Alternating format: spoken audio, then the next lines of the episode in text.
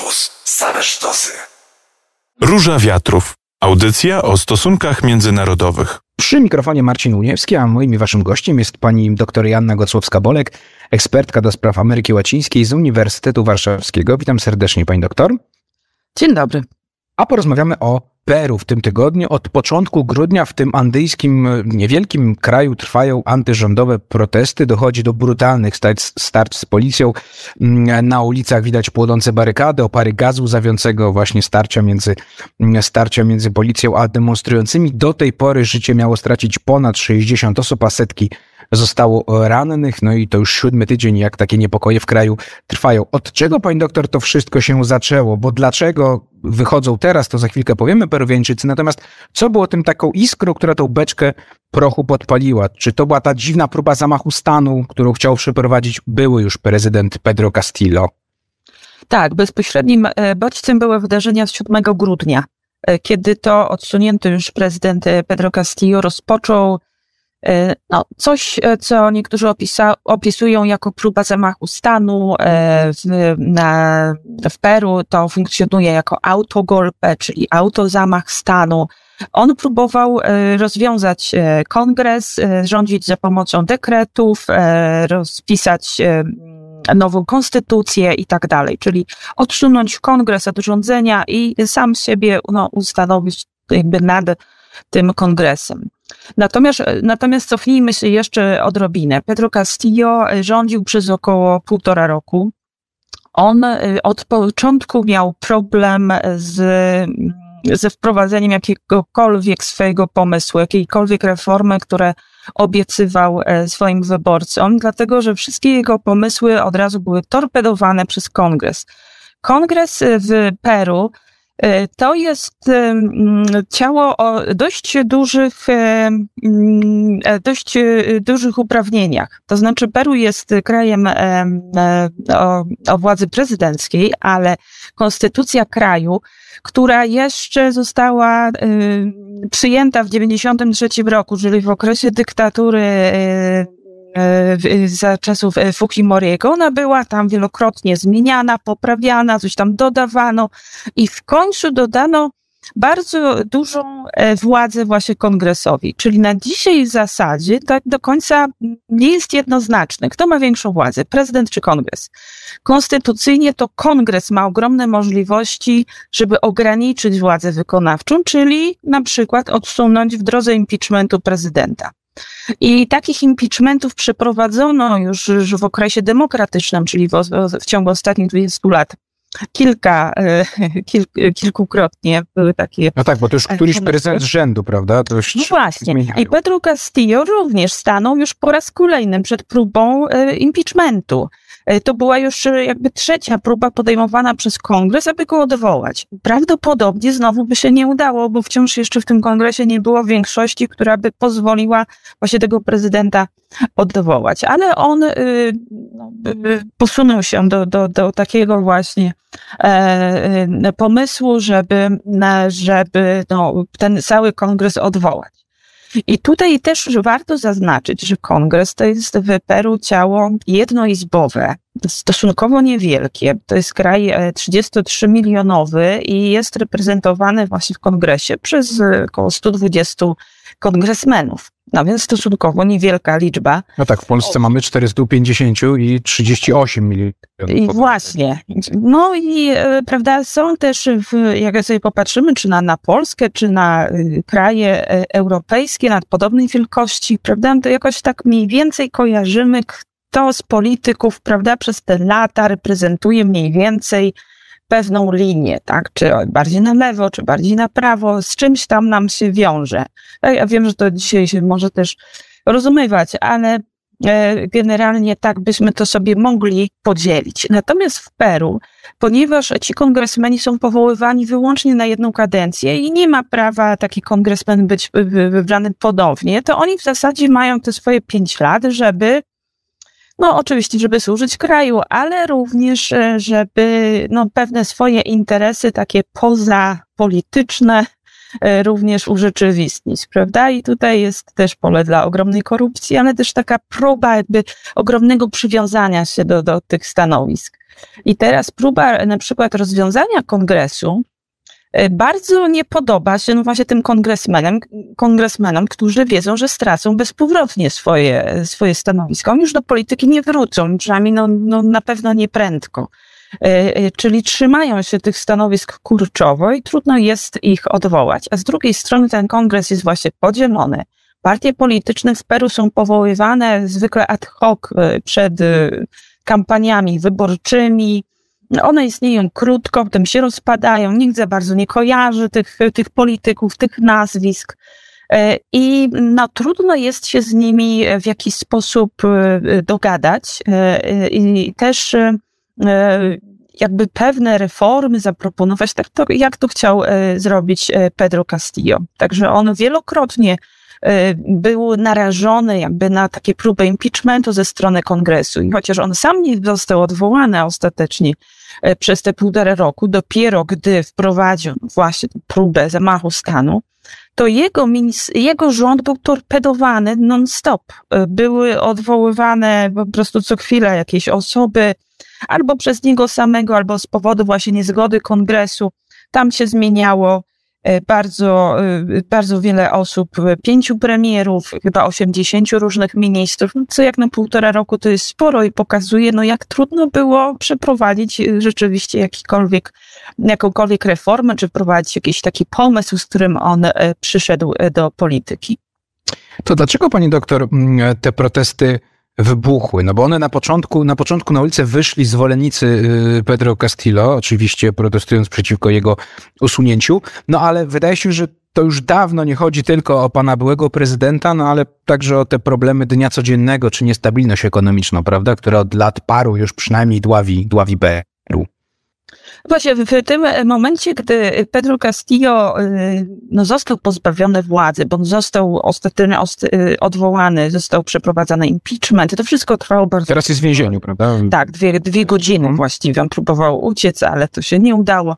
No, on w tej chwili przebywa w więzieniu, natomiast, natomiast została powołana i zaprzysiężona jego wiceprezydentka Dina Boluarte, czyli osoba, no, która została wybrana w parze razem z nim półtora roku temu.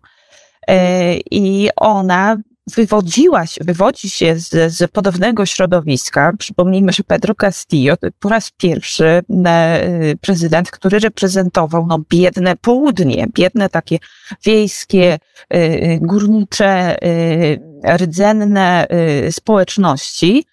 E, I on był wybrany przede wszystkim głosami właśnie tego biednego południa, a nie e, na przykład tej bogatej Limy. E, również Dina Boluarte, to jest, to jest 60-letnia prawniczka, która również pochodzi z rodziny wielodzietnej, tak borykała się z tą biedą, no musiała walczyć i tak dalej, więc w zasadzie podobnie, prawda? Natomiast mhm. to, że ona została zaprzysiężona i Wracamy do Diny Boluarte, czyli jego następczyni. E, tak, Dina Boluarte została zaprzysiężona tuż po impeachmencie Pedro Castillo, po jego aresztowaniu i e, od razu popełniła poważny błąd e, polegający na tym, że stwierdziła, że będzie kończyć tę kadencję, czyli będzie rządzić do 2026 roku. Konstytucyjnie miała do tego prawo, tylko że te osoby, które wcześniej głosowały na Pedro Castillo, poczuły się oszukane E, I mówiły tutaj o zdradzie, mówiły o tym, że ona zaczęła się układać właśnie z tym kongresem. I teraz, o ile Pedro Castillo to, to nie był polityk e, uwielbiany przez naród, on, poparcie jego e, spadło drastycznie i, i gdzieś tam oscylowało około 17%. Natomiast poparcie dla kongresu jest jeszcze mniejsze. Przed tymi wydarzeniami to było 9% a dzisiaj około 7%. Więc to pokazuje taką niechęć ogromną ze strony społeczeństwa peruwiańskiego, w ogóle do tych polityków. I teraz to, że Dina Boluarte próbuje układać się e, e, z, właśnie z tymi tradycyjnymi politykami, e, ona buduje jakieś, jakieś porozumienie właśnie wręcz z prawicowymi partiami, no, które przez większość tych wyborców Pedra Castillo są wręcz nienawidzeni, jako wiązani z tą tradycyjną, skompromitowaną kastą polityczną. Tak, więc to wszystko było za dużo. E, oni, e, ludzie, którzy wcześniej głosowali na Pedro Castillo, tak jak mówiłam, przede wszystkim wywodzący się z biedniejszych e, południowych prowincji, oni poczuli się oszukani, zdradzeni. A do tego dochodzi jeszcze jeden czynnik, czyli po raz pierwszy mieli swojego prezydenta prawda? Wcześniej mhm. to e, w, tam gdzieś e, w Limie zasiadali tradycyjni politycy, którzy nie interesowali się nim i, i w zasadzie no, było wiadomo, że ta korupcja jest, prawda, oni gdzieś tam kradną, ale właściwie to wszystko było daleko. A teraz po raz pierwszy ktoś, kto ich reprezentuje, co prawda nie zdołał wprowadzić tych, tych reform obiecanych, co prawda on sam był e, tam gdzieś uwikłany w szereg jakichś korupcyjnych e, e, takich powiązań. Zresztą były postawione mu zarzuty dość poważne, z którymi będzie musiał się zmierzyć właśnie zarzuty korupcyjne, tak? Ale to wszystko w obliczu właśnie tej sytuacji, że znowu biją naszego. Chodźmy tam na Limę, bo oni znowu nas zdradzili, prawda? I to wszystko spowodowało, że to, ta frustracja nagromadzona przecież nie od tygodni, ale tak naprawdę od pokoleń, no, znalazła ujście w tym właśnie, że ci ludzie postanowili e, upomnieć się o swoje, e, upomnieć się o tą, tą swoją reprezentację w, e, w, wśród polityków, wśród tej wielkiej polityki gdzieś tam w Limie, e, dlatego że no, po raz pierwszy im się udało swojego człowieka tam wysłać, no i on został sadzony do więzienia. A na ile pani doktor też, no właśnie, bo na przykład The Time pisze, tak, że to też te problemy, no pani mówi, no to na, narastało przez lata, przez pokolenia, ale na ile problemy takie właśnie codzienne, spowodowane COVID-em, spowodowane tym, że kraj ma na przykład bogate złoża miedzi, a nie korzystają z tego y, mieszkańcy tych regionów, gdzie są te kopalnie chociażby, prawda? No bo to wszystko idzie do, do, do bogaczy, mówiąc trochę w uproszczeniu. Na ile to jest też tym paliwem, prawda? Gdzie, które, które gdzieś no, utrzymuje już siódmy tydzień te protesty. No właśnie, Peru e, było przedstawiane przez wiele lat jako, e, w cudzysłowie, tak, Włochy Ameryki Łacińskiej, czyli kraj, gdzie ta polityka, co prawda, tam miała swoje kryzysy, coś tam się działo, ale gospodarczo był to kraj silny, rzeczywiście gospodarka rosnąca, stosunkowo zliberalizowany rynek, y, w porozumieniach z innymi takimi właśnie silnymi gospodarkami, więc tutaj działo się niby dobrze. I teraz politycy opowiadali co chwila i przecież to trafiało gdzieś tam na te prowincje y, rolnicze, górnicze również, że sytuacja gospodarcza jest lepsza, że te wskaźniki makroekonomiczne tam nam wszędzie rosną. Tylko, że oni nie odczuwali tego po swoich y, tych codziennych, mm -hmm. w tym codziennym życiu, prawda? I teraz jak sobie spojrzymy, to rzeczywiście te rozwarstwienie społeczne jest w Peru ogromne. I ONZ ostrzega, że Peru ma najwyższy wskaźnik braku bezpieczeństwa żywnościowego w Ameryce Południowej, że połowa populacji nie ma regularnego dostępu do wystarczającej e, ilości pożywienia i że jedna czwarta populacji żyje wręcz w ubóstwie. To wszystko pokazuje, że przede wszystkim karmione jakby z tego wzrostu gospodarczego no były korporacje międzynarodowe, które tam operowały, przede wszystkim w górnictwie, w górnictwie miedzi. Peru jest mhm. drugim na świecie eksporterem miedzi. Tak, ale też no, tradycyjni politycy, którzy właśnie budowali bardzo intensywnie taką korupcyjną sieć powiązań właśnie z tym, z tym wielkim biznesem. A do tych biednych E, społeczności niewiele trafiało, niewiele się przebijało. I oto właśnie po raz pierwszy Pedro Castillo przyszedł, który mówi, że będzie walczyć o tę równość, będzie walczyć o to, żeby również im było e, lepiej. I to są hasła, które bardzo silnie tam gdzieś zapadły. Oni poczuli, że dobrze, to jest ten moment, kiedy wreszcie musi być bardziej sprawiedliwie, kiedy mamy swojego człowieka my też chcemy, my też chcemy korzystać z tego z tego, z tego wzrostu gospodarczego, z tego, żeby było lepiej, chcemy mieć zagwarantowany dostęp do żywności, do wody, dzieci posłać do szkół i tak dalej. Przyspieszone wybory, to na pewno powiedziała pani, że teoretycznie Dina Boluarte, czyli wiceprezydent, która zastąpiła Castillo, e, powinna rządzić do 2026 roku, e, ale demonstrujący domagają się właśnie przyspieszenia tych wyborów, to po pierwsze, no a po drugie też padają takie e, argumenty, że pora zmienić konstytucji jeszcze z czasów dyktatorskich czy autorytarnych rządów Alberto e, Fujimori. No, rzeczywiście. I te hasła są w zasadzie polityczne, prawda? Czyli odwołanie Diny Boluarte, przywrócenie Pedro Castillo, chociaż to nie zawsze wybrzmiewa, prawda? Myślę, mhm. że to jest na tyle y, no, mało prawdopodobne. Rzeczywiście wiele, wiele tych osób wie, że tego domagać się w zasadzie nie, e, nie ma po co, ale odwołanie Diny Boluarty, zwołania e, szybszych wyborów e, i już nawet w tym roku, prawda, padają tak, takie i, I tutaj jest pewien problem, znaczy duży problem, który polega na tym, że to nie sama Dina Boluarte może podjąć taką decyzję.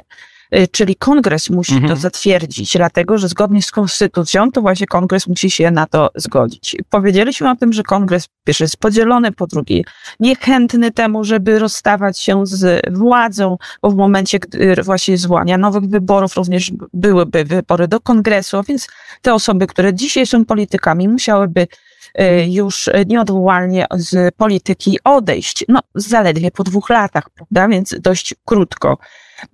Dlatego są temu niechętni i były podejmowane już kilkukrotnie próby przygłosowania tego właśnie, aby przesunąć tę datę wyborów na dzisiaj ona jest zatwierdzona na 2024 e, rok. To się wydaje za długo i, i też e, mam takie wrażenie, że dojdzie do niestety do eskalacji tych protestów i Dina Boluarte zostanie zmuszona tutaj nieodwołalnie do tego, aby ustąpić i jeżeli ona zostanie na przykład odwołana, bo przecież ten impeachment również nad nią gdzieś tam wisi ta groźba, prawda? Bo to jest, jest groźba realna i prawdopodobnie ona jest w szachu.